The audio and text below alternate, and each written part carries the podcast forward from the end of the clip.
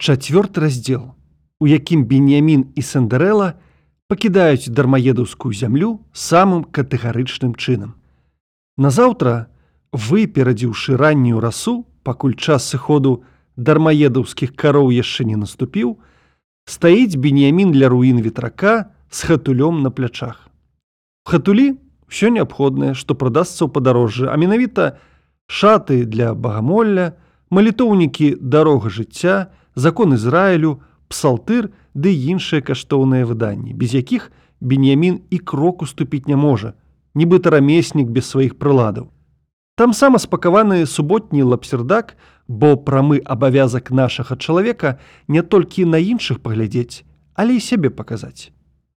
У кішэні медзякоў 15, якія, уцякаючы, цішком вынес пад носа ў жонкі. Словам, Беньямін гружаны пад самую завязку і нічога ўжо не ў стане затрымаць яго падарожжа.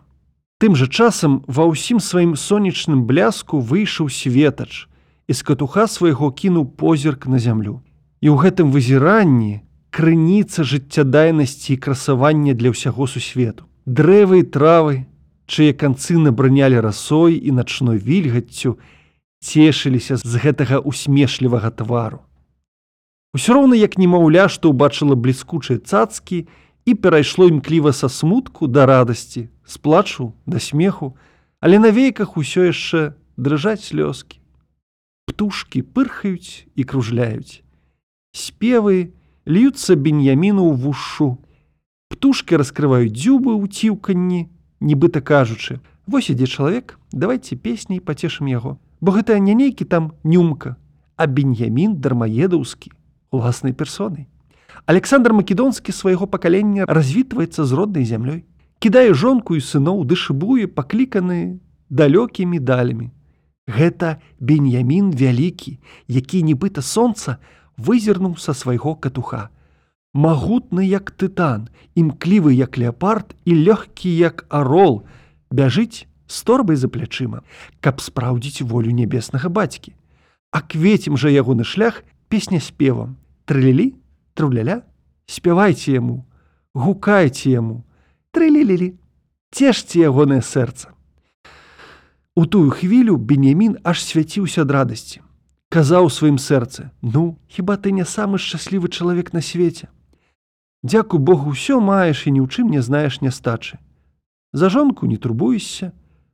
Господ мілажальны дасць на пажытак ёй і сямейнікам, дашле блаславення за плённую працу.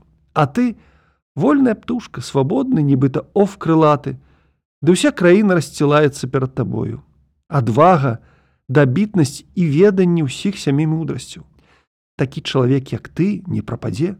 Хіба ты не наш чалавек, а нашаму чалавеку усюды дарога, бо нябесна абаронца яго падпірае. Сэрца Бенеміна скача ад радасці, нават вусны растуліліся песня спеў вярхоўны валадар вылятае з горла плыве панад галавой у харашмянай мелодыі. Уцешныя зыкі мяшаюцца з птушыным ціўканнем зумканнем мух з траскатаннем цвыркуноў.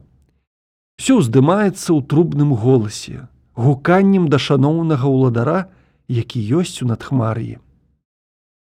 Днее а сэндерла няма? Беньямін пачаў пераймацца і месца не знаходзіць. Ціхне яго радасць, азіраецца, але марна, не відаць, не чуваць. Тут ён пытаецца і сам жа адказвае. Можа быць, яго жонка лихадзейка дала яму якой працы ў доме, але ж працоўныя гадзіны яшчэ не настала. Усе дармаедаўцы ляжаць, пачуваюць на сваіх ложках, занураны ў глыбокі сон, Жанчыны пачынаюць кухарыць і абіраць бульбу толькі пасля таго, як вылаюць сваіх мужоў, высмаркаюць дзяцей і вынесуць падушкі з прасцінамі прасушыць на сонцы. Бенеміна апанавала моцная журба.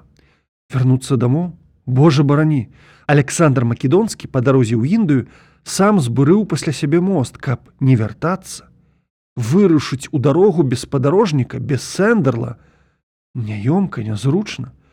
Ён прыляпіўся душой да сэндерла і апроч таго, без яго як без рук.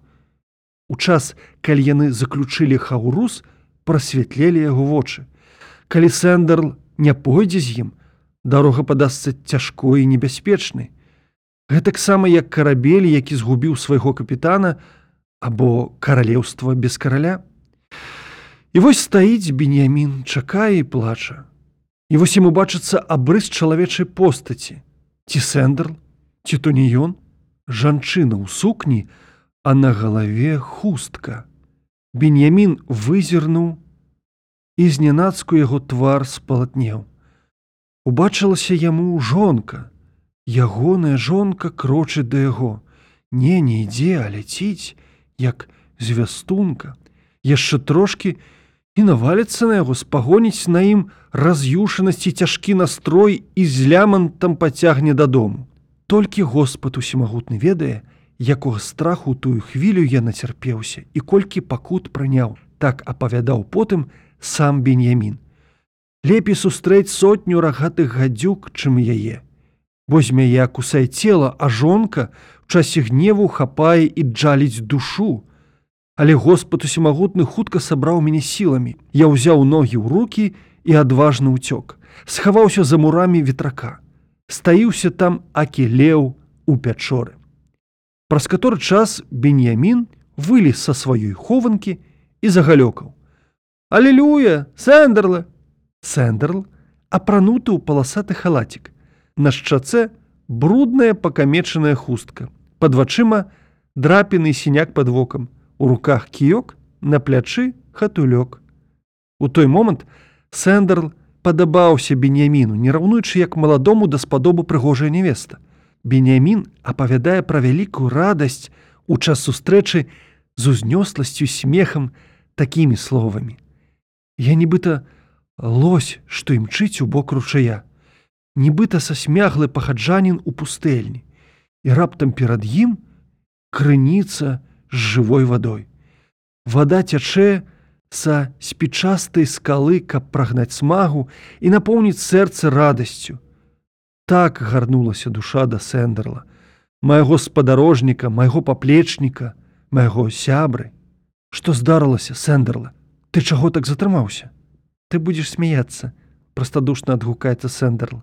Спярша я мусіў скокнуць да цябе да хаты. Дык вось, пакуль я пайшоў і пакуль раскатурхаў тваю зэлду, мінулася шмат часу. Разбудзіў зэлду, загаласіў бенеміне сваім голасам: Сэндерла, на чорта ты гэта зарабіў вылупак.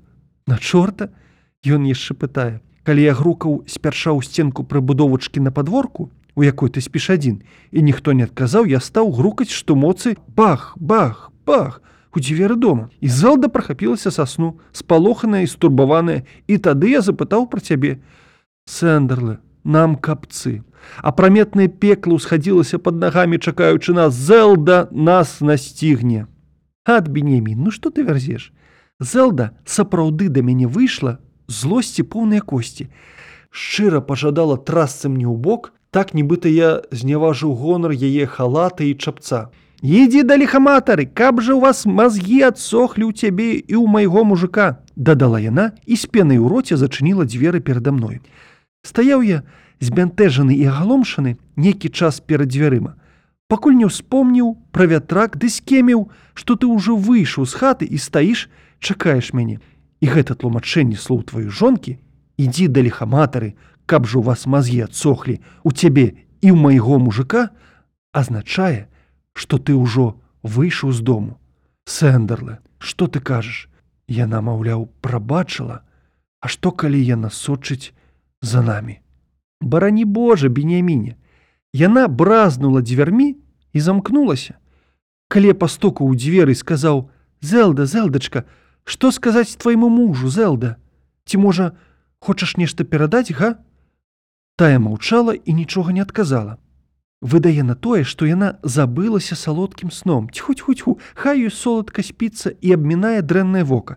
Таму я падумаў, што калі Зелда ўсё ж заснула, дык хай застаецца здаровая. Я прачытаў блаславенне і вырушыў у дарогу. Апошнія словы Сэндерла былі для беньяміна, што бальзам на раны. Ён акрыяў. Яго развага прыйшла да ладу, адчуў, як цяжкі камень зваліўся з сэрца. Твар аквеціўся, а ўсцешаныя вочы зазіхцелі. А Божа мой свеце мой, сэндерлы, хадзем ужо, хадзем.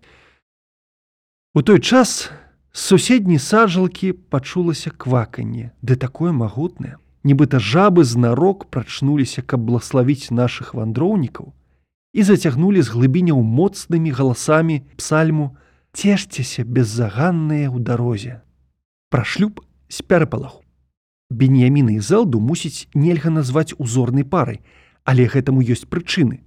Цалкам верагодна, што іх шлюб стаў ахвярай вялікага пярэпалаху 1834 года.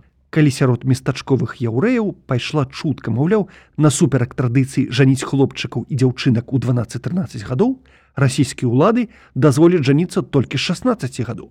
Бацькі з пехам і сіламоц цягнулі пад вясельны балдахін горкіх дзяцей, нават восьмігадовых. Праз год паніка аціхла. Але, як сведчылі сучаснікі, гэтыя з пярэпалах у шлюбы збольшага выйшлі бязладныя і нямоцныя.